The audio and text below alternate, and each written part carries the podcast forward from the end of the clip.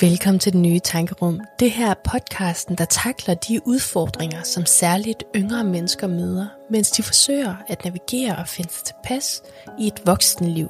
Et voksenliv, hvor pendulet hele tiden svinger hurtigere og hurtigere mellem work and life. Det er også podcasten for dig, der vægter mental sundhed og trivsel over produktivitet, effektivitet og travlhed i et samfund eller kultur, som ikke altid rummer plads og forståelse for den slags kerneværdier og prioriteter.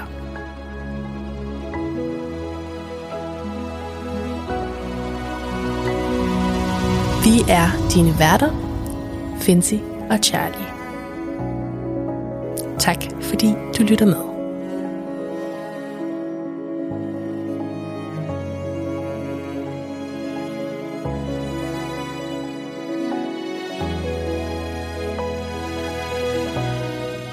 Hej Fancy. Hej så. Vi sidder lige og drikker en morgenkaffe, og tænkte, vi ville tænde mikrofonerne. Øhm, solen er høj på himlen. Der er rigtig, rigtig dejligt. Øh, og det satte gang i en masse gode tanker, som vi tænkte, at I måske ville, ville nyde at høre. Yes. Det hele drejer sig om et uh, spørgsmål, jeg fik her i løbet af ugen. En fra mit uh, LinkedIn-netværk, der hedder Diana Korshøj, uh, stillede mig et spørgsmål i løbet af den her uge, hvor jeg var ude og få kaffe med hende.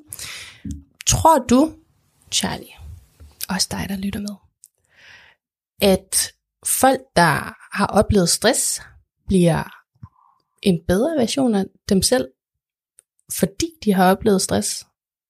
Altså, du ved, når man ligesom har fået det lidt på afstand, og kommet mm. igennem det, eller sådan noget, eller kan man kun gå tilbage til den, man var? Hmm. Altså, Når du er kommet over det. Ja. Når du er helet. Ja, det gør man 100%, synes jeg. Fordi det er ligesom, hvis du brækker en knogle. Når den gror tilbage, jamen, så gror den tilbage stærkere. Jeg tror ikke på, at du bare vender tilbage til det, du var, før du fik stress. Jeg tror altid lidt, det er det, man håber på, når du er i det. At du er sådan, ej, jeg savner bare at kunne gøre det her, som jeg gjorde det, på den måde, jeg gjorde det, før jeg havde stress. Men i virkeligheden, der lærer du jo også at håndtere verden på en måde, der undgår, at du ender ud i præcis samme situation, som gav dig stress i første omgang. Så hvis du er den samme person 100%, jamen så er der et eller andet andet, der vil kunne lede til, at du, at du får øh, samme situation, at den udspiller sig på samme måde. Tænker jeg i hvert fald. hvorfor tror du, at nogle mennesker oplever stress, og andre mennesker ikke gør? Åh, oh, det er et godt spørgsmål, synes jeg. Fordi der kan være rigtig, rigtig, rigtig, rigtig mange grunde til, at der er nogen, der oplever det, og andre ikke, der oplever det. Jeg tænker, det kan være helt, øh, jeg har næsten lyst til at sige, indlært fra barndommen, med hvordan de håndterer øh, svære ting i livet, ting, der kører uden for deres normale rutiner, eller deres normale kasser i hovedet, så begynder der at komme lidt stress. Og det kan jo være sådan nogle helt små ting, som hvis der er nogen på besøg i dit hjem eller din lejlighed, som ikke lige sætter et, et glas på en, uh, en coaster, jamen så kan der allerede derop opnå en lille smule stress. Bare på grund af det, så sidder man og kigger rigtig, rigtig meget på det der glas, der står på sit fine træbord. Siger du lidt, det jeg prøver, det jeg hører dig sige, det er, at, at stressen kommer lidt i forbindelse med folk, der op, oplever et større kontrolbehov i løbet af deres liv, eller hvad? Altså uden at det skal klinge negativt kontrolbehov, men, men måske der er sket noget i løbet af deres liv, der har gjort, at de har været nødt til at have en vis form for kontrol fra en tidlig alder. For nogle mennesker, tænker jeg, ja, 100 procent. Og så lige så snart, at den altså struktur, man så har sat op, for at der er orden og ikke kaos i ens liv, den Mhm. så brydes, er det så der, at man begynder at opleve stress? Det, Er det det, du siger? Det er det, jeg siger. Det tror jeg 100 procent, i hvert fald med nogle mennesker. Det er en af de der grene, man kan gå ud af, tænker jeg, med hvorfor at nogle mennesker får stress. Fordi de ender ud i en situation, for eksempel på arbejdsmarkedet, hvor de har en anden form for struktur, så kan det være, at der kommer en omrokering i ledelsen, hvilket gør, at den struktur, de har opbygget, den bliver skubbet ved. Deres tid bliver måske ikke respekteret lige så meget, de, deres opgaver er måske blevet ændret, de er måske i en helt ny stilling, end de er vant til. Og lige så stille begynder alle de der kasser der at blive, blive brudt på en anden måde. Ja. ja. Mm, jamen, jeg kommer lige til at tænke på, at ud fra det, så lyder det også som om, at stress også kunne komme på grund af, at ens behov ikke bliver mødt. Ja, uddyb. Hvis der nu kommer en, lad os lige tage udgangspunkt i, hvad hedder det, eksemplet med omrokering på arbejdsmarkedet, mm-hmm. eller på ens arbejdsplads. Mm-hmm. Det kan jo rykke rundt på nogle dynamikker, som gør, at det kan være svært at, altså man skal jo lære hinanden at kende på nyagtigt, og nogen, altså vi er alle sammen forskellige, og man har måske allerede etableret en vis dynamik med ens nærmeste leder, mm. øh, og lige pludselig så ved man ikke, hvor man har nye leder henne, og det kan så måske gøre, at det er sværere at, sådan at kommunikere ens behov, eller sådan mm. noget til, til ens leder, øh, hvis nu lederen for eksempel kommer og så siger, jeg har brug for, at du gør alt det her på mm. én gang. ja. Ikke sådan lige sort-hvidt optegnet her. Ja. Og fordi det er en leder, så er det svært at så sige, det kan jeg ikke. Men det er jo det, det fordi det er der nogle mennesker, der oplever sådan der. At, at det kan være for eksempel meget op til lederen, som giver dig stress, fordi at det er en leder, det er en autoritet. Der er nogle mennesker, der har det sådan. Og jeg ved også, der er nogle mennesker, der vil være fløjtende ligeglade med den nye leder, der kommer ind, som siger, at de skal gøre alle de her ting her. Der kan det være noget helt andet, der stresser dem, for eksempel. Det at kunne være en kollega. Måske. Det kunne være en kollega, eller Tove ned fra kommunen ikke har vendt tilbage på hendes øh, 47 mails. Man skal altså have noget ud af døren snart. Det kunne også være der, den ligger. At der er et eller andet øh, ekstern pres på ens arbejdsperformance, at det bare ligger der. Ikke nødvendigvis så meget at gøre med mennesker, men bare performance på sit arbejde.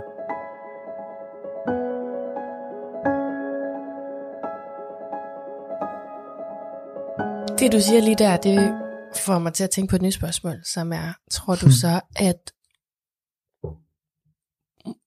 sådan flittige mennesker, som måske bliver særligt udsat for at få stress, fordi du siger performance, mm. og over de seneste år, så øh, er det som om, at det er gået mere ud på at lave mere.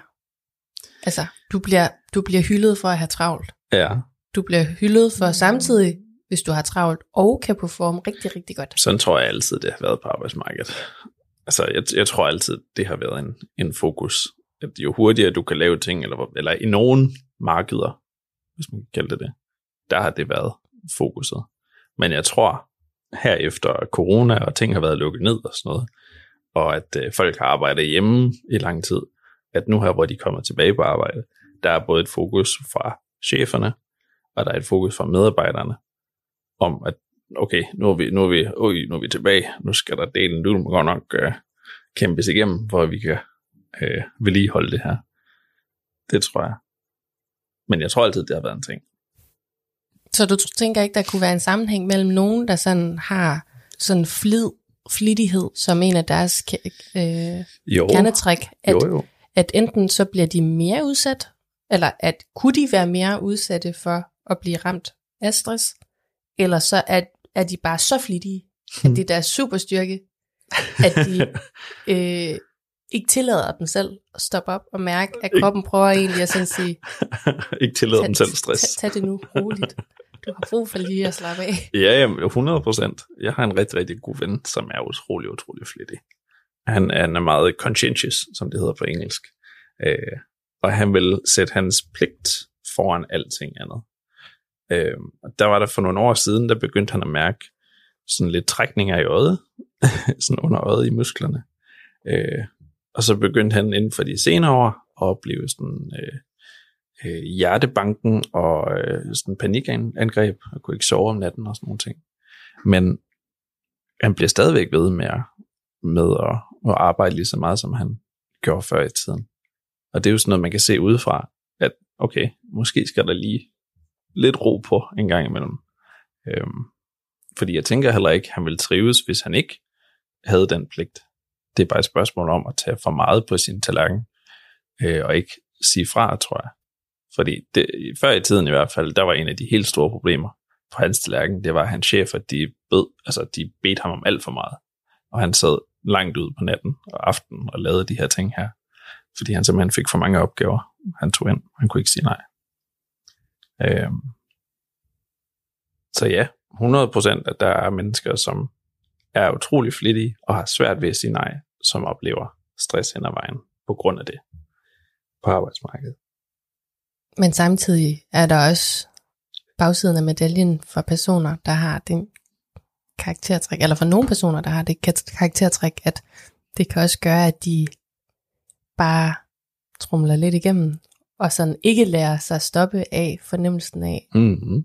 at nu skal du altså lige sætte dig ned og trække vejret dybt, Jamen, det, gå i seng til tiden, for du har brug for søvn.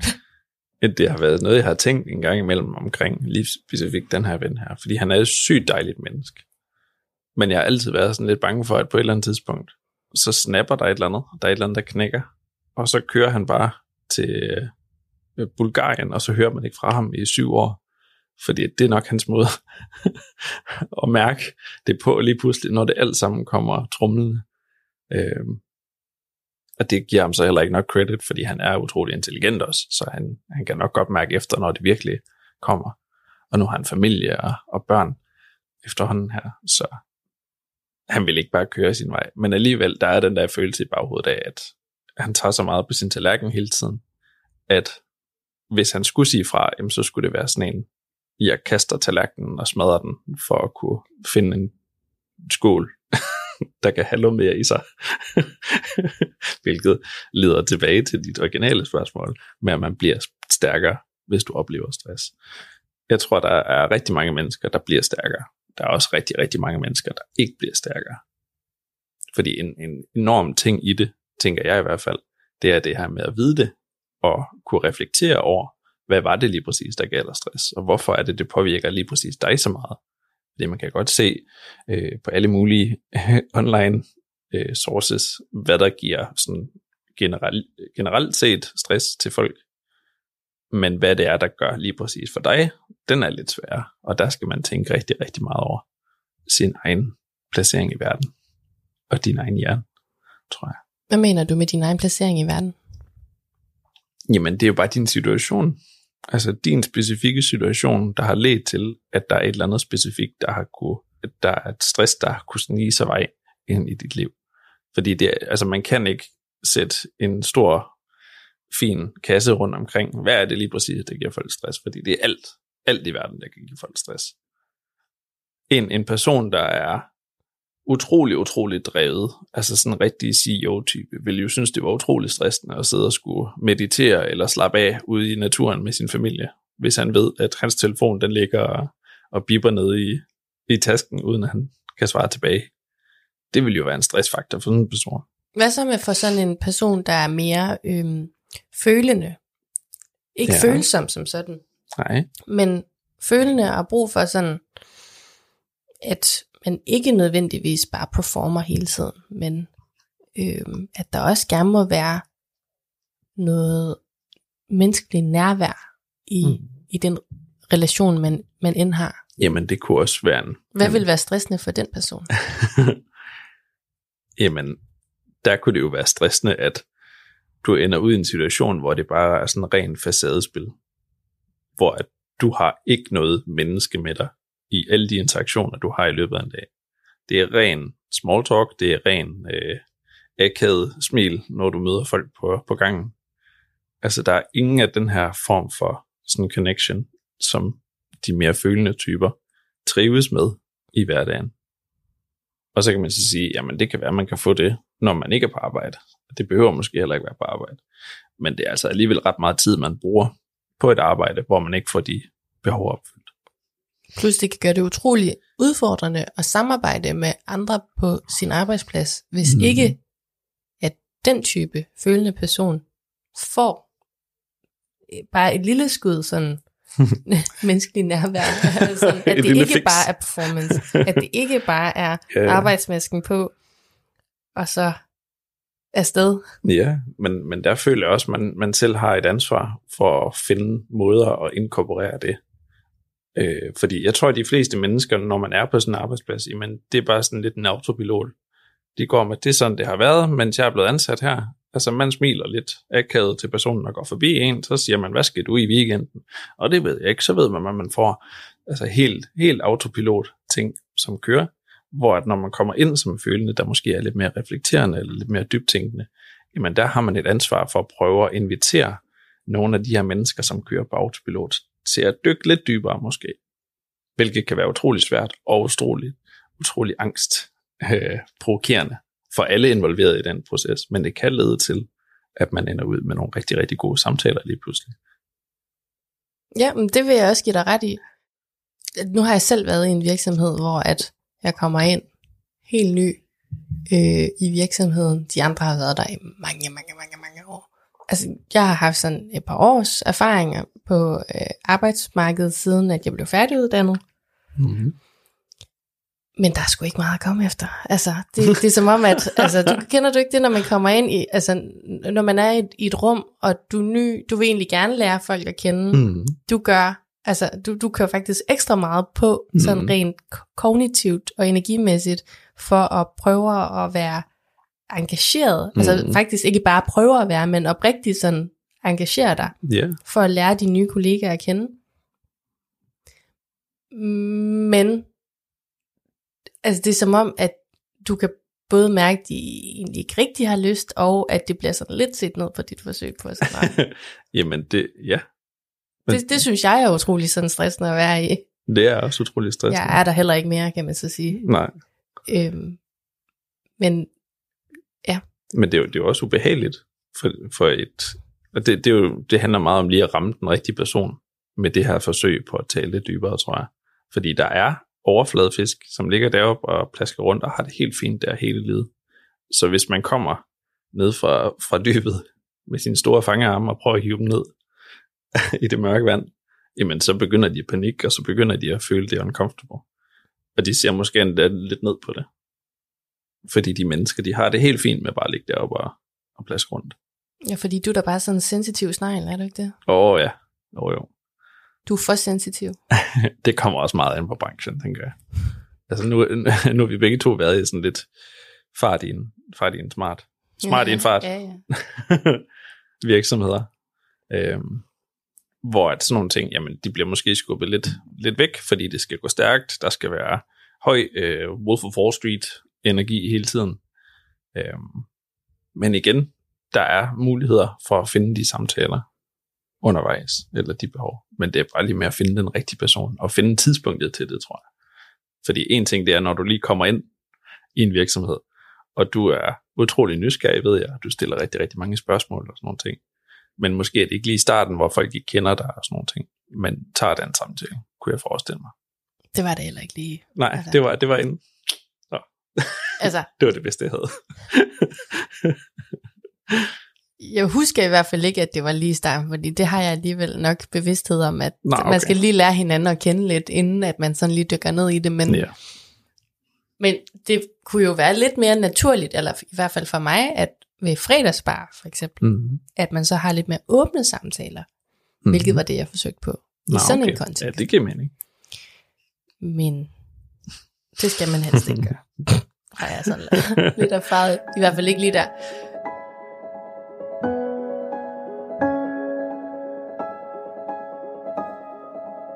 Måske du kan sige sådan lidt om, Charlie, sætte lidt ord på, hvordan dit forhold til stress og sådan noget har været, bare sådan for lytteren, øhm, at, at det altså ikke bare er, hvad hedder det, personlige fortolkninger. Det er rent faktisk også, altså vi taler ud fra, at vi også selv har oplevet det ind på livet. Ja. Jamen, øh, jeg tror et eller andet sted, at jeg har haft stress det meste af mit liv. Helt fra start af. Øhm, og i begyndelsen, jamen der var det egentlig mest fordi, at min storebror, han er rigtig, rigtig meget ekstrovert. Og det havde mine forældre ligesom tilvendet sig til, og bygget deres sådan, øh, børneopdragelses efter, eller børnekultivering øh, efter. Øhm, og så kom jeg til, og jeg var ikke specielt ekstrovert. Jeg var meget, meget ikke ekstrovert. Jeg var meget, meget introvert. Og det kunne jeg mærke helt fra start af, at det havde mine forældre lidt svært ved, fordi de kørte egentlig lidt bare det samme, de havde gjort ved min storebror. Og på det tidspunkt, ekstrovert og introvert, det var ikke så meget en ting, som folk de sådan lige vidste i, i folkemunde. Hvad kalder man det? det var ikke noget, der var sådan helt inden i hvert fald.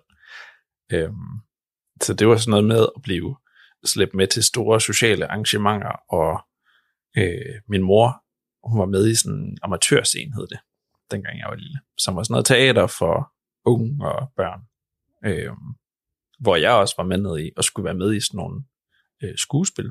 Og jeg synes egentlig, det var sjovt nok at være med i selve processen, men det der med at skulle op foran en hel masse mennesker, og skulle huske replikker og ting og sager, jeg var ikke specielt gammel.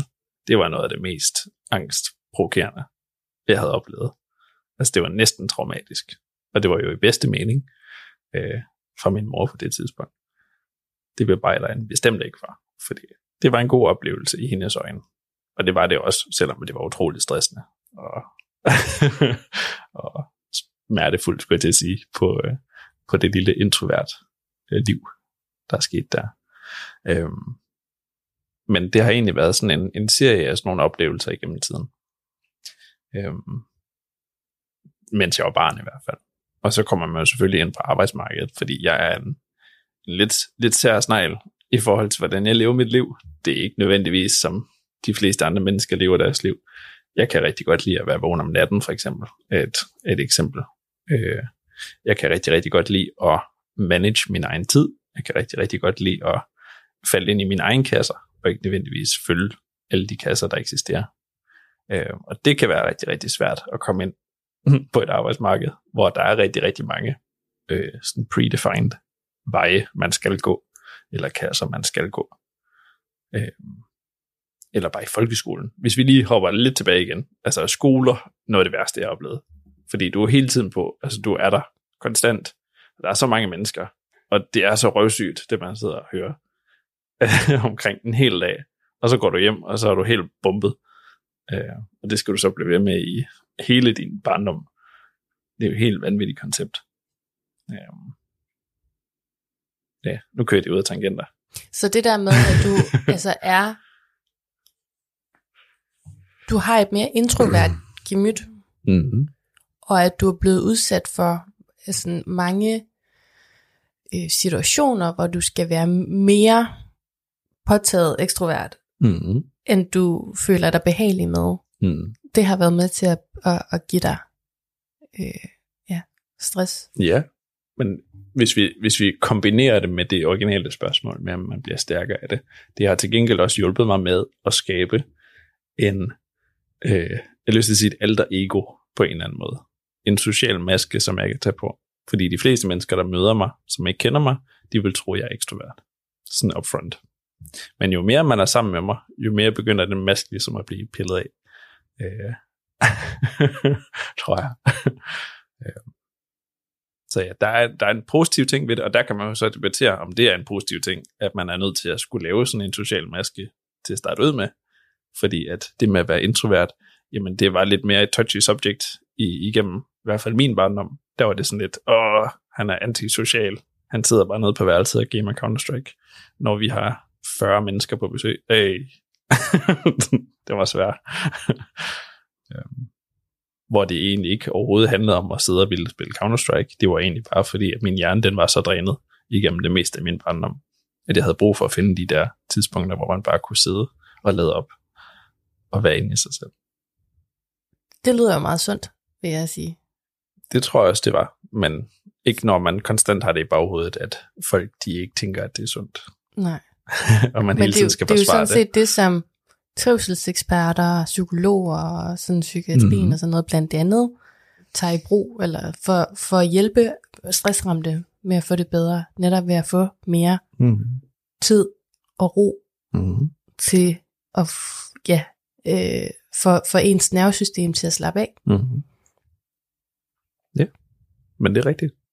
Det er også det, der virker. Det kunne jeg også godt mærke på det tidspunkt, at det hjalp rent faktisk at sidde med store hovedtelefoner på, og sidde og spille World of Warcraft eller et eller andet, hvor man ikke nødvendigvis skulle tage hensyn til hele verden. Det var bare lige den her ene verden, man skulle sidde og fokusere på. Mm. Og det var jo så ligesom meget, meget barndom, men efter jeg kom ud på arbejdsmarkedet, det gik egentlig rigtig, rigtig fint. til at starte ud med, har jeg lyst til at sige. Øhm, jeg strugglede i hvert fald ikke med sådan arbejdsdelen i det. Jeg kunne godt finde ud af det, jeg lavede. Der var aldrig for meget sådan pres på. Jeg kan godt håndtere og jonglere en masse bolde og sådan nogle ting. Men det var sådan mere øh, sådan usikkerheden, fordi jeg var i en lidt mærkelig situation ved det første sådan rigtige arbejde, sådan voksen arbejde, jeg havde. Øhm, hvor der var sådan en usikkerhed konstant om, blev man ved med at være der, eller blev man fyret lige om lidt? Fordi det var også en stor corporate maskine, jeg kom ind i fra start af. Øhm, hvor der blev fyret chefer hele tiden, og der blev omrokeret. Øhm, der var altid et alt for lavt budget til alting. Øhm, og der var der hele tiden usikkerhed, konstant, hvor det kunne jeg mærke, det påvirker mig rigtig, rigtig meget hen ad vejen. Øhm, Det lyder som om, det også, der også var noget angst ja, involveret ja, i, i 100%. din stressoplevelse. 100 procent. Altså i mit hoved, der har de to altid hængt meget sammen. Øh, angst, provokeret øh, stress. som også er bundet sammen med depression og sådan nogle ting. Altså de der tre, tre søjler der, de hænger for det meste sammen på en eller anden måde. I mit hoved i hvert fald. Jeg kan godt forstå, at de hænger sammen, fordi de opleves også sådan, der er mange fællestrik ved dem, men, men jeg tror alligevel, der er en forskel, hvor, Jo jo, det er der. hvor et stress, det, det har noget at gøre med, eller helt tydeligt, hvis det er angst, så er det fordi, du er bange for et eller andet, ikke? Altså den der konstante frygt om, at hvad kommer der til at ske? Jeg Jo. ved ikke, hvad der lige, altså hvad jeg møder op til i morgen, møder jeg overhovedet ind på arbejde? altså, ellers Ja. beder de mig om at blive hjemme for evigt. Ja. Ja, jamen det er rigtigt. Og det, der er jo eller kæmpe, der kan være alle mulige andre ting. der er jo kæmpe stor forskel imellem de tre. Jeg synes bare altid, at der er en eller anden form for, at de, de følger med hinanden. Øh, jo mere at du Det jeg oplever den ene, jo mere kommer der den anden, fordi jo mere stress du har, jo mere angst begynder du også at få hen ad vejen, og jo mere angst du har, jo mere stress begynder du at få hen ad vejen, og jo mere af de to sammen, jo mere depression kommer du til at opleve, øh, som en, en, en følgeresultat af det. Det er din oplevelse. Det er min oplevelse. Ja. Øhm, og det kan godt være, at det er ekstremt subjektivt. Det er i hvert fald sådan, jeg har set det igennem tiden. Ja. Øhm, og så var der jo sådan nogle helt grundlæggende ting, som lejligheder. Jeg boede i København på det her tidspunkt her. Og det med at finde en lejlighed, jeg havde en hund, det var øh, sygt stressende, fordi der var ikke specielt mange lejligheder. Der var ikke specielt mange lejligheder, der passede til et, et, et lavt budget. Altså, øh, hvis det ikke, du var sådan studiebolig interesseret, hvis du gerne ville bo i noget, der lignede et, et hjem, og der ikke bare var et, et lille skab med en vask og en, en, en kogeplade på, de kaldte det køkken, og du skulle sidde på toilettet og øh, tage bad og sådan noget, jamen så begyndte det at blive lidt dyrere, og hvis der skulle være, øh, altså hvis det skulle være tilladt at have en hund også i samme omgang, jamen så bliver det endnu dyrere. Hvis du gerne vil bo inden for en time af dit arbejde, så bliver det endnu dyrere. Og sådan nogle ting. Det var også utrolig stressende på det tidspunkt. Øhm. Og ja, altså, den, den første sådan rigtige lejlighed, jeg havde, jamen det var sådan en lidt sketchy udlejer, der havde udlejet den og havde fundet nogle loophuller med ens kontrakt, hvilket betød, at han kunne vælge at sælge lejligheden, og jeg skulle egentlig være ude efter en måned lige pludselig. Og der stod man jo så og havde et, et fuldtidsarbejde og havde en hund, og skulle finde et eller andet sted at bo øh, på meget, meget, meget kort tid, og endte med at skulle flytte rigtig meget rundt, både på Nørrebro, øh, både i andre lejligheder rundt omkring i sådan meget kort perioder. Øh, og jeg havde ikke nogen bil, jeg havde ikke noget familie, jeg havde ikke rigtig nogen tætte venner over i København. De var alle sammen i Nordjylland. Så man stod sådan rigtig, rigtig meget på, på egen hånd der, og skulle få alting til at fungere. Sådan noget, når jeg skulle flytte, jamen så var det med øh, taxaer, og skulle bruge sindssygt mange penge på at bestille taxaer med alle mine ting i bagagerummet, og så køre en million gange frem og tilbage. Det var rigtig, rigtig dyrt. Og flyttemænd selvfølgelig, men det var alle de der små ting, som jeg skulle have med til hver lejlighed, som ikke gav mening at hyre en flyttemand til. Jeg kan mærke i maven, at, at det føles stressende bare at høre Ja. dig øh, fortælle om det. Ja, det var ikke, øh, det var ikke en god periode. Nej. Øh, Så det var egentlig ikke så meget at gøre med arbejdet på det tidspunkt overhovedet. Fordi selve arbejdet og de kollegaer, jeg havde og sådan nogle ting, det var helt fint. Øh, Der trives jeg ret fint. Men det var ligesom alt det der rundt omkring det, som var problemet. Hvad føler du så, at stress har givet dig? Altså sådan, har det gjort dig stærkere, eller har det... Altså, hvad, hvad er de ting, du har fået med dig? Eller hvad kan man sige? Altså, er der en, er der en silver lining? for dig? Jamen, jeg tror, jeg er både blevet stærkere, og jeg er både blevet svagere.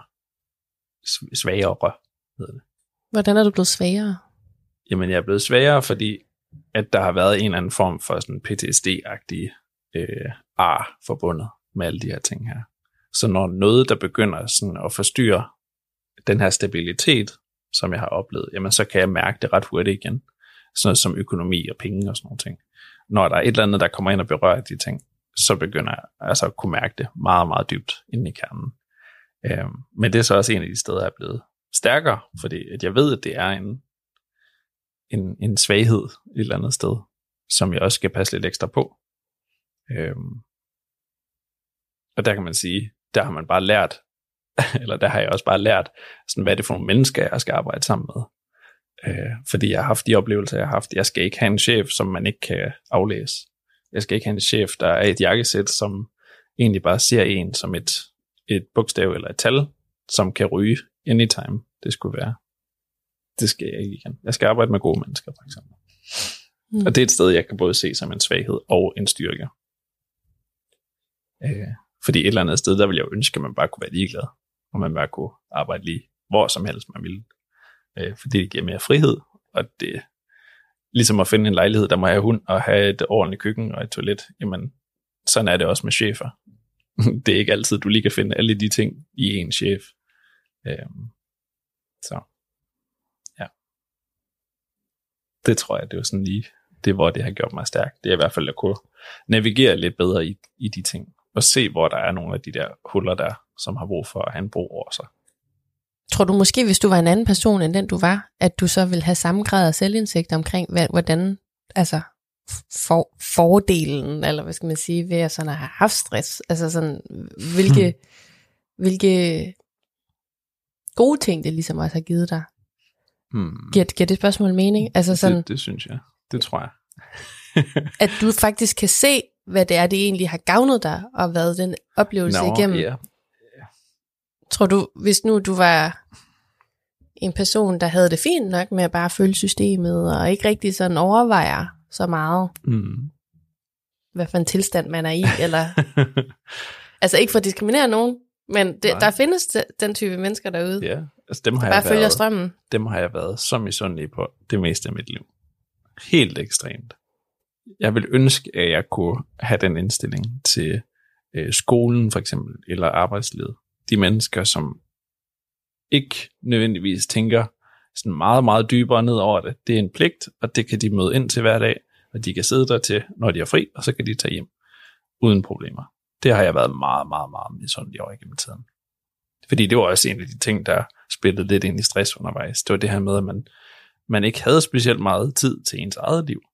Fordi jeg ved, der er mennesker derude, der ser arbejdet som deres liv. Det bliver deres identitet. Hvad er du for et, for et menneske? Jamen det bliver baseret på, hvad du arbejder som. Ja. Øhm, og det kunne jeg mærke, det stressede mig rigtig, rigtig meget. Jeg ikke havde tid til alle de ting, jeg gerne ville i mit eget liv. Fordi jeg var simpelthen så drænet, når jeg kom hjem fra arbejde. Altså hvis jeg skulle lave en præsentation for en kunde eller et eller andet i den stil, jeg var bumpet, når jeg kom hjem. Øhm, så, ja. Og altså, det er jo meget forskelligt med mennesker, hvordan øh, de kan reflektere over deres egne hjerner. Og nogle gange, jamen, der skal der bare en, en psykolog eller en terapeut til, ligesom at, at komme ind i hjernen og finde ud af det.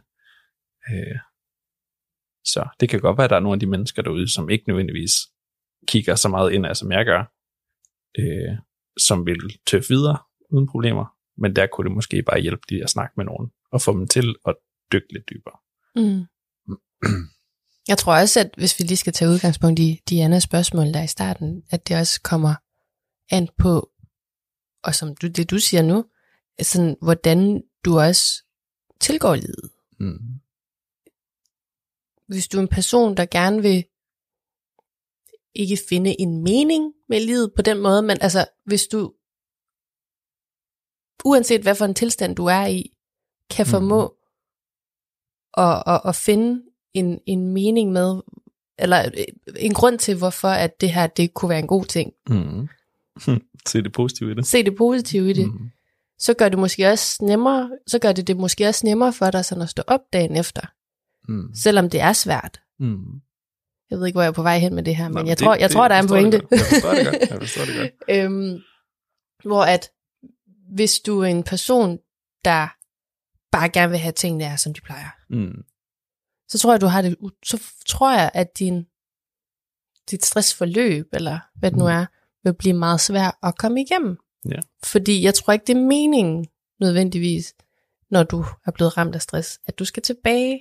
Nej. Det var også lidt det, du sagde i starten, til det, du kom fra. Mm. Fordi så bliver du nu måske bare ramt igen. Ja. Og som mit spørgsmål også var tidligere, det er måske universets måde at, at hjælpe dig på, ved at, at, Mm. at teach you the lesson that is slow down.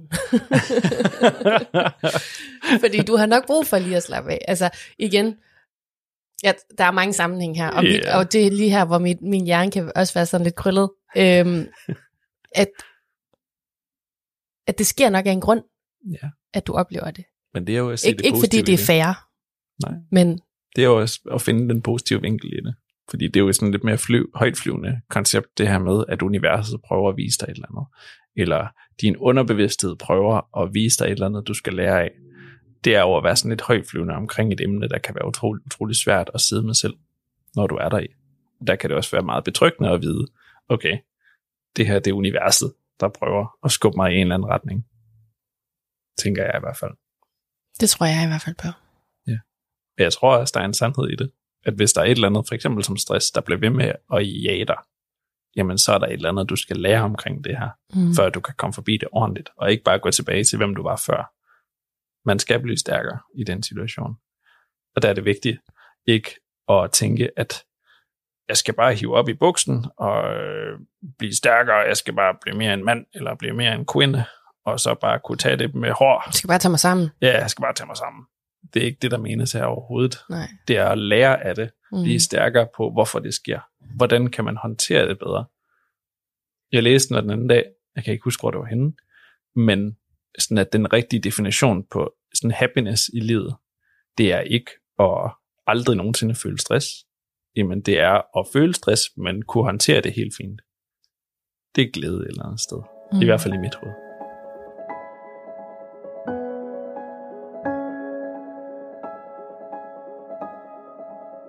Med min egen oplevelse med stress, der har jeg... Øh, min måde at komme igennem det på, blandt andet ud over sådan at gå til terapeut og gå til gruppeterapi og alt det der, det er at læse i en bog, særligt en bog her, øh, Mhm. i den forbindelse, der hedder Why Has Nobody Told Me This Before? den er engelsk. Men det er fordi, jeg vælger at, at, at læse engelske bøger. Det besides the point. Men hende, der har skrevet bogen, hun er psykolog, Ja. klinisk psykolog. Man kan også følge hende på øh, Instagram og TikTok. Eller, nå nej, det må man ikke.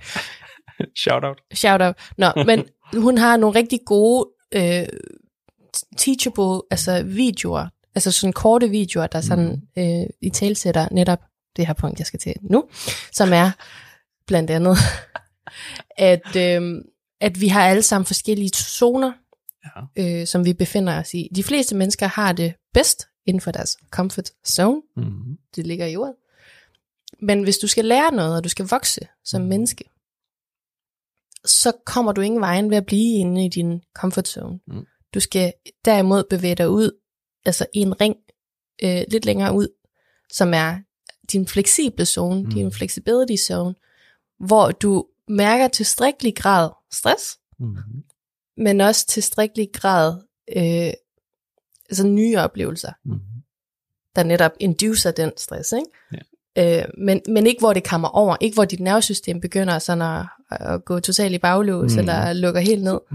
Men, men, men det er der, hvor du strækker dig. Det er der, Mm. hvor du vokser. Ja, det er jo bare ligesom et uh, Det er det, jeg kommer til at tænke på med din...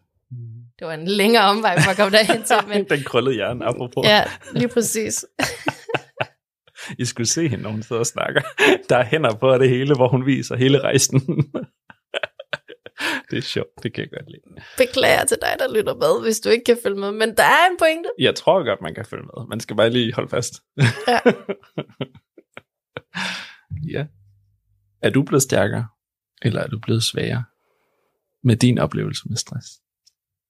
Altså, jeg føler stadigvæk, at der, hvor jeg er, det er at, at jeg stadigvæk er i gang, eller hvad skal man sige, øh, i, i gang med at få det bedre. Mm. Men jeg synes klart, at jeg har fået det bedre. Men for at vente, altså lige inden jeg svarer på det, så tror jeg, jeg tror ikke på, at man, nødvendig, at man nødvendigvis bliver bedre Mm. af at have stress. Jeg tror, Nej. man bliver, altså du bliver bare en anden version af dig selv, Okay, interessant.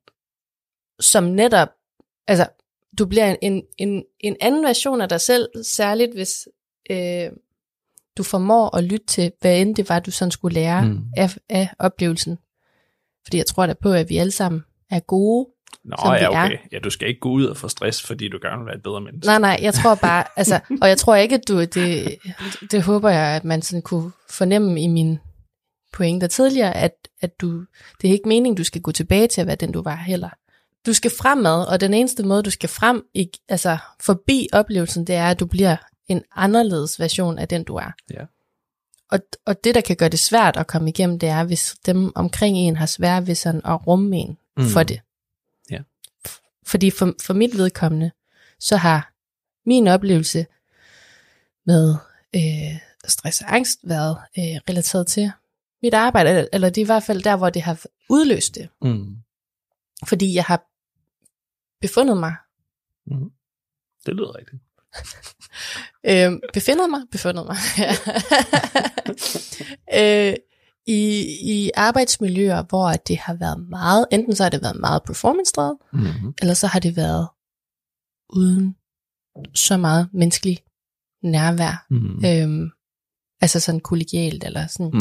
Øhm, hvilket har været stressfremkaldende for mig. Mm. Øh, særligt når at jeg som person godt kan lide at fordybe mig, og det er Mm. også helt fint. Jeg, jeg ved godt, at, at man skal også kunne, kunne arbejde hurtigt. Og det kan jeg også godt. Men ikke, hvor at der ikke rigtig er tid til at hvile heller. Altså sådan, øh, hvor Men- nervesystemet kan få, få ro til ligesom at komme, komme sig lidt inden næste deadline kommer. at fordybe sig i det, du sidder og arbejder med, tror jeg også, den er vigtig, af Ja. hvad du har fortalt igennem tiden. Den er ikke bare med at køre på, at det her det skal ud inden for 15 minutter. Jeg har ikke tid til at fordybe mig i det, jeg har ikke tid til at få min kreativitet ud. Det skal bare gå stærkt. Bare ud. Ja. det er som om, at ja, jeg har i hvert fald været i nogle miljøer, hvor at min kreativitet, det har føles som om, at den er blevet dræbt på grund af, Mhm. at der enten der har været lidt for meget sådan kontrol Mm. fra, fra ledelsens side. Ja. Øh, det ene og det andet sted, der har gjort, at det, det, det er svært at trives, eller det har været svært for mig at trives, særligt også, øh, der var nemlig også øh, på en af arbejdspladserne, hvor at det var svært at vide, hvad det var, jeg mødte ind til Mm. dagen efter. Der var også en grad af sådan lidt frygt Mm. sådan involveret, og jeg tror ikke, jeg følte mig tryg nok til, altså i, i de forskellige sådan omrokeringer, der skete, og Mm. politik, der sådan kan være imellem. Øh, Men det er måske også en, en meget god sådan tanke i det, at din stilling, og det som du gerne vil lave i en virksomhed, det kommer også til at bedømme, altså, det kommer også til at give dig stress på en eller anden måde, afhængig af hvad det er jo. Ja, og det har jo, det har jo været, altså, jeg, jeg tror, at de fleste mennesker, der øh, arbejder øh, inden for marketing, kan ikke genkende til, at, at særligt hvis du læser jobopslag for marketingmedarbejdere, du skal jo kunne alt muligt. Du skal jo otte arme. Jo jo. Du skal jo nærmest kunne splitte dig selv op i to. Ja. Fem Ja, og, helst. og øh, min oplevelse var i hvert fald, at man hyrede mig ind, fordi at man gerne ville have altså, min faglighed, ja, og, og, og høre, høre mit input også, når jeg, sådan, altså, når jeg skulle klare mm. en opgave. Men så oplevede jeg så virkeligheden, som var, at øh, det er sådan set lidt lige meget, hvad, Ja. hvad du tænker. Du skal bare gøre. Ja, du skal bare gøre, som jeg siger. Den er hård. det er svært, når man også gerne vil lykkes med at, sådan at nå i mål med det, som der er blevet opsat. Ja, og have et behov for anerkendelse. I hvert fald, hvis man også går op i kvalitet. Mhm. Øh, så det var også lidt det, der var inde og påvirke. Ikke bare lidt. Det var også det, der var inde og Mm. påvirke. Øhm, men jeg tror, at det, som jeg har taget med mig i, i min oplevelse, er, at, at jeg har ikke været god til før at mærke efter, Mm. hvad det er, jeg føler i øjeblikket. Øh, så det har gjort, at det har været utrolig svært for mig altså at sige fra, Mm. hvilket også har været altså, øh, bidragende til Mm. stress og angst. Når at du konstant oplever, at din grænse ikke bliver øh, respekteret, og når mm. du så Mm. endelig siger fra, at det så bliver invalideret, Ja. eller negligeret, eller bagatelliseret, sådan hvad end behov du har. Mm.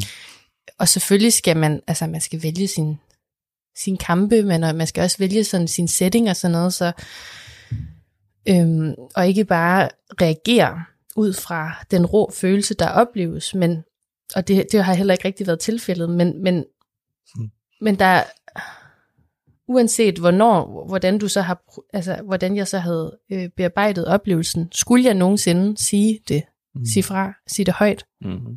det ville ikke have været, det, min oplevelse er, at det ville ikke have blevet taget seriøst. Ja. Det kunne være lige meget. Det, og det er ikke sådan et miljø, jeg har lyst til at være Nej. en del i. Øhm, ja, så, mm. så min oplevelse er, at, at det jeg tager med mig derfra, og det jeg tror kan være med til at gøre og styrke mig på nogle områder, det er, at jeg er blevet bevidst om, at jeg skal øh, mærke de følelser, der opstår, anerkende dem undervejs øh, mm. inde, i, i, inde i mig selv, og på den måde blive bedre til at sætte mine grænser. Men også at optimere, hvad det er for et setting, du sidder i, der kommer til at kunne påvirke de følelser, tænker jeg. Ja, altså jeg er i hvert fald også blevet meget opmærksom på, at i fremtidige sådan, øh, jobsamtaler, hvad det er, jeg skal have fokus på, sådan, Mm. for at bedømme, at det her er et passende sted for mig. Og det, det ser jeg som at tage ansvar Mm. for min egen væren øh, i, i hvad end fællesskab, jeg sådan skal, Mhm. skal indgå i. Fordi det er jo heller ikke sikkert, at de sådan synes, at, at jeg så vil være et match, hvis jeg bare kommer ind og ikke har, har forholdt mig kritisk sådan Nej. lidt til stedet. Så, så det der med, der kan også godt være en styrke i at, sådan at kunne sige enten, nej, det har jeg ikke lyst til, Ja. eller øhm, det passer ikke til mig. Det er oprigtigt at kunne gøre hinanden en tjeneste, tror jeg, i stedet for at spille Mhm. hinandens tid. 100 procent. Det ser jeg som styrken i det, Det er også en stor styrke. som jeg stadigvæk er ved at lære. Fordi det kan også være utrolig svært undervejs. Øh, nu her, hvor jeg, jeg prøver sådan at, at tage det mere til mig. Mm. Så, så når jeg så endelig siger fra over for nogen, så oplever jeg det rent faktisk som, som stressende. Ja, ja. Altså, jeg får total hjertebanken, og det, altså, det er uden for mit comfort zone, kan jeg Mm. mærke. Altså, det er en uvandt følelse, og det føles, altså, jeg føler mig nærmest sådan bange Mm. for, hvad der sker. Men det er jo også, det hænger sammen med, at jeg også kan være sådan en konflikt, eller jeg har været, og Mm. nok stadigvæk er en konfliktsky person, men jeg tager gerne de kampe op, der er værd at kæmpe. Der er lidt flight og fight over det engang imellem, når det kommer til sådan noget, der er stressende, Mm-hmm. synes jeg. Altså det, og det kan godt være, at når man har levet et liv med stress og sådan noget, så er flight, det er nok en af de første ting, man tyr til, fordi man er konfliktsky. Men det betyder ikke, at der er utrolig meget fight, der kommer frem, når man reelt set føler, at det, der opstår, det er værd en fight. Eller det er værd at tage slåskampen over. Øh, hvilket man bare skal blive bedre til at finde ud af hen ad vejen. Og det gør man med stress, og finde ud af, hvornår den fight skal tages. For eksempel som at stå op for sig selv. Eller sige, sige fra, eller sige nej. Ja, det, det er i hvert fald en, en ting, jeg også er blevet klogere på, må jeg sige, med oplevelsen, det er at finde ind til, hvad er det egentlig, der er vigtigt for mig? Mm-hmm. Øhm, hvad vil jeg finde mig i, og hvad vil jeg ikke finde mig i? Mhm. Altså på den måde finde frem til, hvor går grænsen? Mm-hmm. Øhm, og jeg har så bare fundet ud af, at de miljøer, jeg var i, det var ikke rigtigt for mig. Ja. Og det, der er vigtigt for mig, det er at prioritere min egen mentale sundhed, Mm-hmm. frem for alternativet. Fordi hvis jeg skal være på arbejdsmarkedet til jeg bliver nærmest tæt på 100, ikke? altså jeg tror, det rykker sig til den tid, Ja, ja, øhm, så er det virkelig ikke det værd at gå ned allerede nu, som ikke engang 30-årig. Mhm. Øhm, det er alt for tidligt. Og øhm, ja, så kan man jo kalde det svagt, hvis man har lyst til det, men det synes jeg ikke. Det synes jeg bestemt heller ikke. Jeg synes tværtimod, det, det kan være sværere at leve og ikke være glad i sit liv, men bare gør det ud af svigt, eller pligt, ikke svigt. Gør det ud af pligt. Det, det ser jeg nogle gange som en svaghed. At man sidder og har det uduligt igennem altså et helt liv, fordi det er bare sin pligt at gøre det. Det, det synes jeg, det kan være mere en svaghed i mine øjne. Jeg synes i hvert fald, altså, at, det, at det begynder at blive mere sådan et skræmmebillede for mig, at kunne at, at, at forestille mig selv sidde hmm. i en tilværelse, jeg oprigtigt ikke er glad ved, hmm. og så bare tage det. Ja. Finde mig i det. Men det er også vigtigt her, fordi nu siger jeg det som om, at det er en sådan en global svaghed, jeg ser i folk. Men der er jo også mennesker som øh, min far for eksempel. Han arbejdede på floden i Frederikshavn. Og jeg ved ikke, hvor meget han egentlig nød sit arbejde som sådan.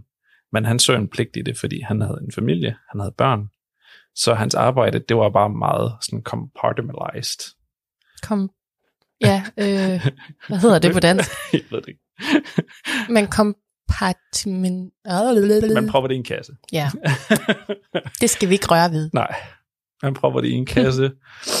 øhm, fordi at der var en pligt med, at han skulle have et arbejde, fordi han havde en stor familie derhjemme.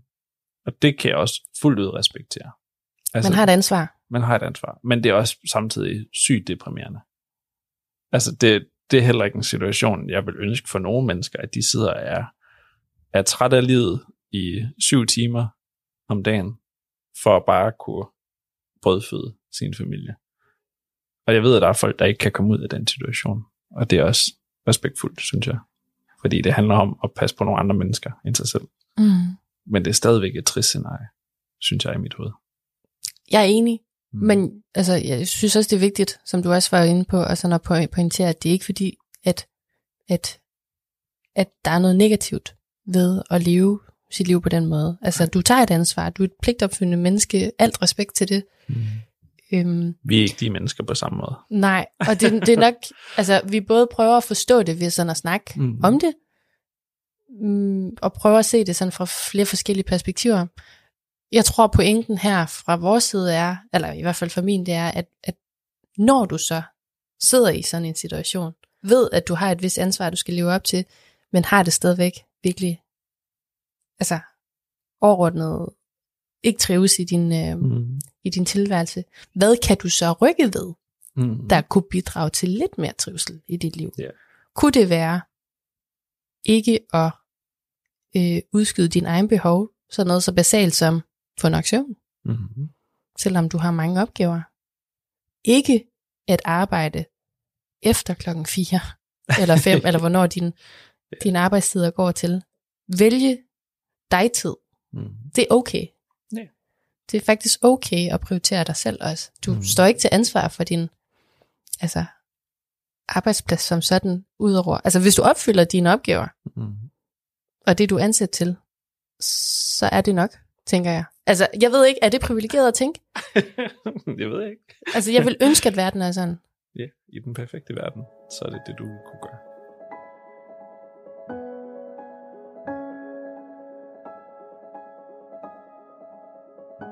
Så for at vende tilbage og lukke der, hvor vi startede, mm-hmm. bliver man et bedre menneske af at have stress? Oj. Helt kort svar. Ja, nej. Nå, det var et meget fint svar, Charlie. Men hvad med for lytteren, som også kunne have tanker, som de gerne vil bidrage til snakken her? Hvor kan de finde os henne, tænker du? Jamen, de kan finde os på Instagram. Vi har lavet en Instagram, der hedder Det Nye Tankerum. Øhm, vi har ikke så meget derinde endnu, men du er meget, meget velkommen til at skrive til os, hvis du er enig og har oplevet nogle af de her ting, eller endnu vigtigere, at du er uenig. Fordi det er noget af det mest interessante, hvis nogen snakker her, når der er nogle synspunkter fra et andet perspektiv. Ja. Og det vil vi meget gerne høre. vi vil også gerne blive klogere. Ja. Du må gerne følge, du må også gerne dele, hvis du har lyst. Men vigtigst af alt, så er det at høre nogle tanker fra jer i det nye tankerum, hvor ja. der også er plads til dig. Bestemt. Og hvis øh, du tænker, at andre kunne gavne øh, er at lytte med her, så må du meget gerne dele, øh, dele det nye tankerum med dem. Du kan følge os på alle de steder, du lytter til podcast. Ja. Vi lyttes ved næste gang. Vi var dine værter, Charlie og Fancy. Hej. Hej.